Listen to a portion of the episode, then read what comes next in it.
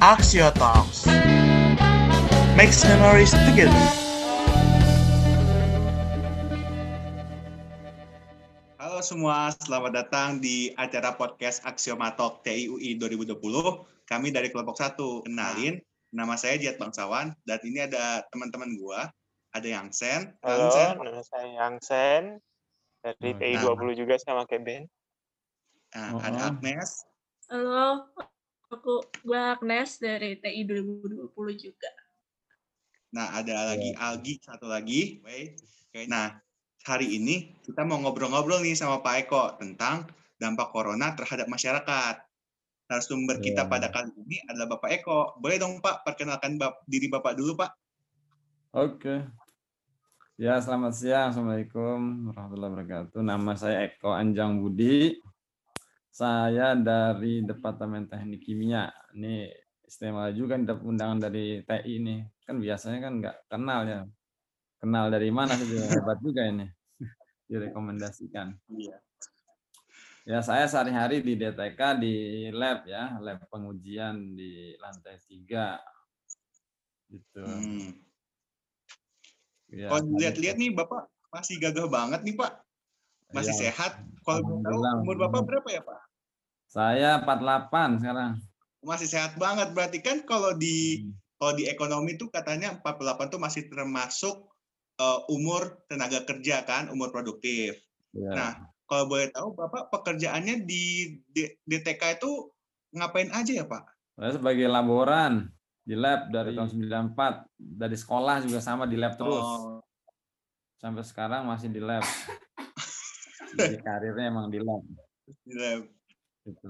Labnya lab kimia lagi Cinta bahaya. dengan lab ya Pak? Cinta Ya, Oh, nyari uangnya gimana Pak kalau lab kimia Pak? bahaya banyak kan kimia kan bahan-bahannya itu banyak yang beracun, karsinogenik, Hmm. membuat kanker, kemudian iritasi. Ah, Banyak kan beracun sih. Ada yang mudah penguap beracunnya, ada yang enggak kan gitu ya.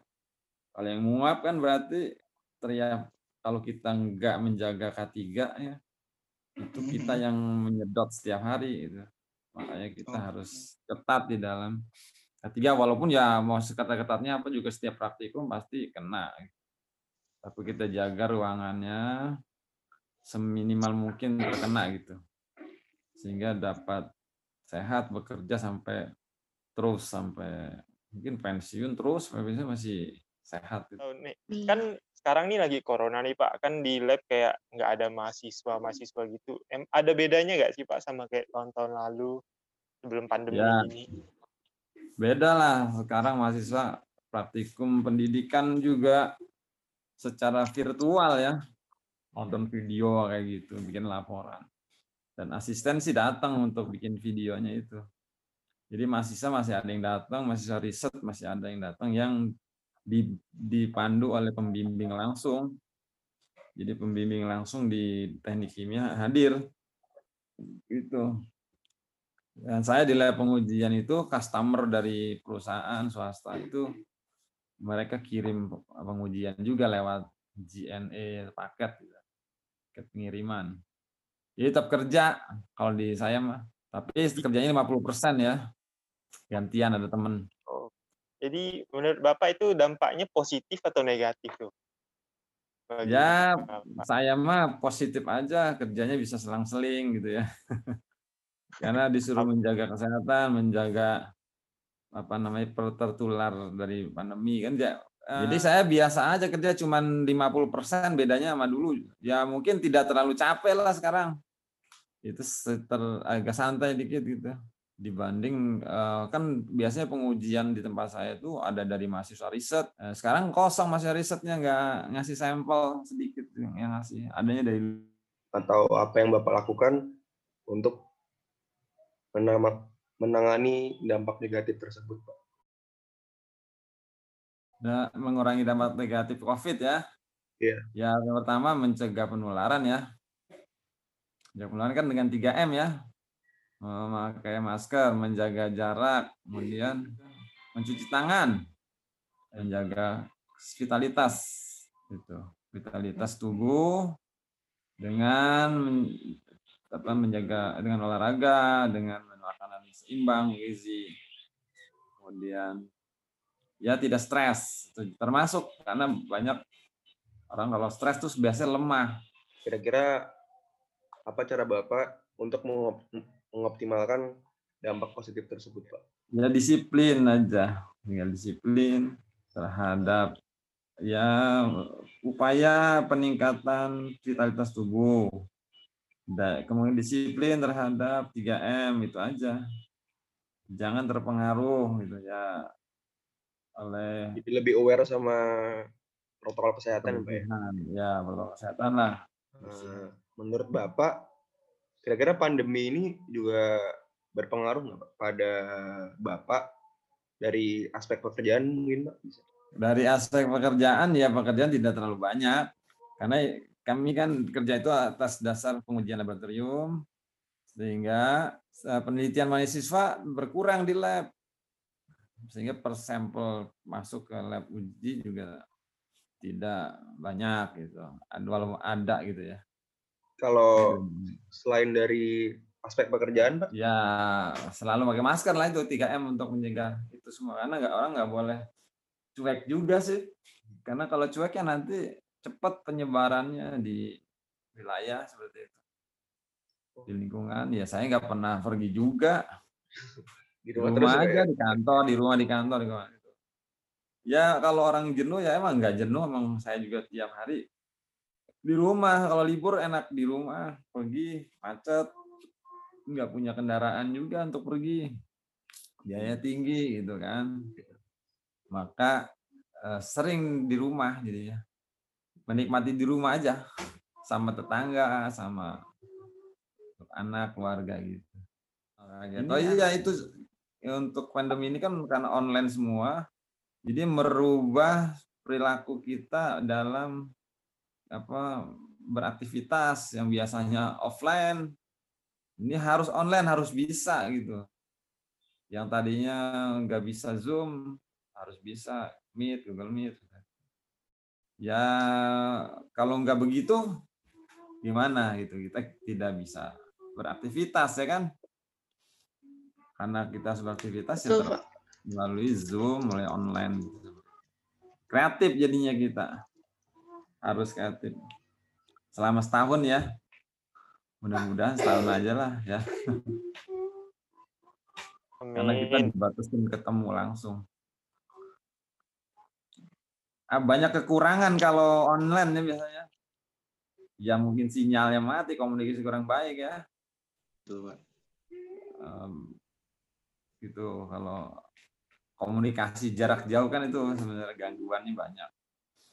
Kalau komunikasi jarak dekat atau offline itu bisa banyak hal yang dipertegas, konfirmasi gitu ya untuk satu komunikasi yang baik. Sekarang kamu belajar online ya mungkin beda dengan offline gitu komunikasi kurang bagus gitu maksudnya ya. Kalau online ya. Oke, okay, uh, kan Bapak udah banyak cerita nih. Nah, pertanyaan selanjutnya, harapan dari Bapak sendiri untuk ke depannya, mungkin untuk Indonesia atau buat UI atau buat pendidikan mungkin? Ya, harapannya Indonesia pendidikannya maju gitu ya. Tujuan pendidikan nasionalnya menjadikan manusia yang beriman bertakwa kepada Tuhan yang Maha Esa kemudian tidak menjadi apa manusia-manusia yang robot gitu ya menjadi pekerja saja seperti kerja kerja gitu jadi lupa bahwa pendidikan itu bukan hanya untuk dapat kerja tetapi membentuk manusia yang bertakwa beriman bertakwa pada Tuhan yang Maha Esa itu sehingga Indonesia maju gitu dalam Eh, pendidikannya, bangsanya juga bisa maju. Itu tujuan pendidikan nasional ya. Itu mudah-mudahan. Kalau kalau untuk corona ke depannya gimana Pak? Kalau corona ke depannya gitu, harapan Bapak untuk Indonesia selama corona di depan ini gitu?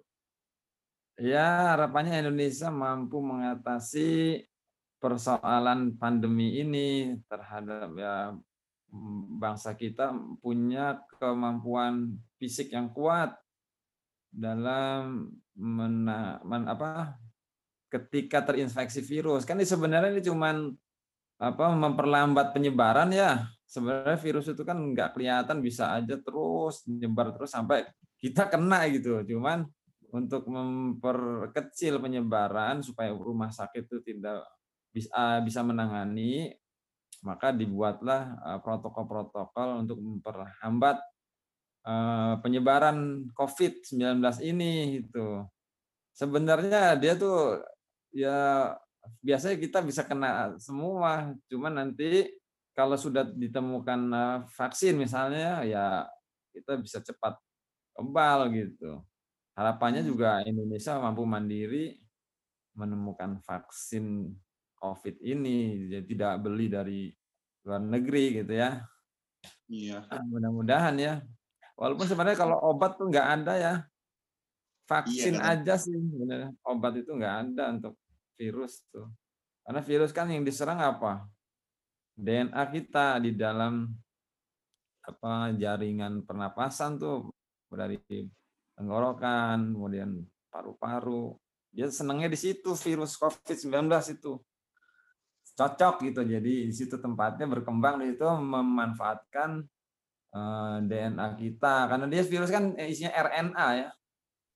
Itu dia nyur, dia nggak bisa berkembang biak virus itu.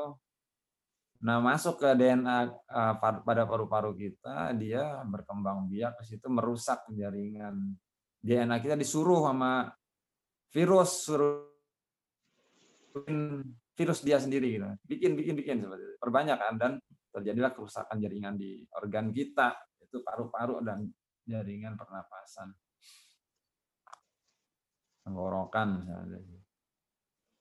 Kan dia jadi jalurnya jalur pernapasan kan Iya benar Pak. Jadi mudah-mudahan Indonesia dapat mengatasi ya COVID-19 ini agar cepat selesai gitu ya Pak. Tentunya. amin Pak ada pesan nggak buat kita anak-anak muda khususnya mahasiswa?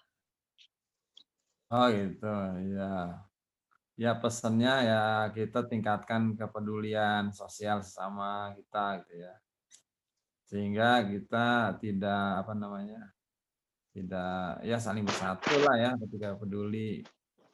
Jadi tidak cuek gitu ya. Bahwa belajar itu bukan hanya akademis saja tapi juga banyak eh, empati empati kita kepada orang lain. Jadi selain kita akademis nilainya bagus kemampuan wawasan teknologi gitu ya. Tapi juga empati kita kepada orang lain sehingga kita bisa saling memahami saling membantu eh, orang lain seperti itu. itu mungkin dari saya untuk mahasiswa ya mahasiswa baru Iya. saling peduli lah ya peduli ya baik itu dengan teman atau dengan juga dengan yang ada di lingkungan eh, kuliah pas mahasiswa itu baik itu pekerja karyawan dosen dan juga mungkin para pejabat-pejabat di lingkungan fakultas gitu ya.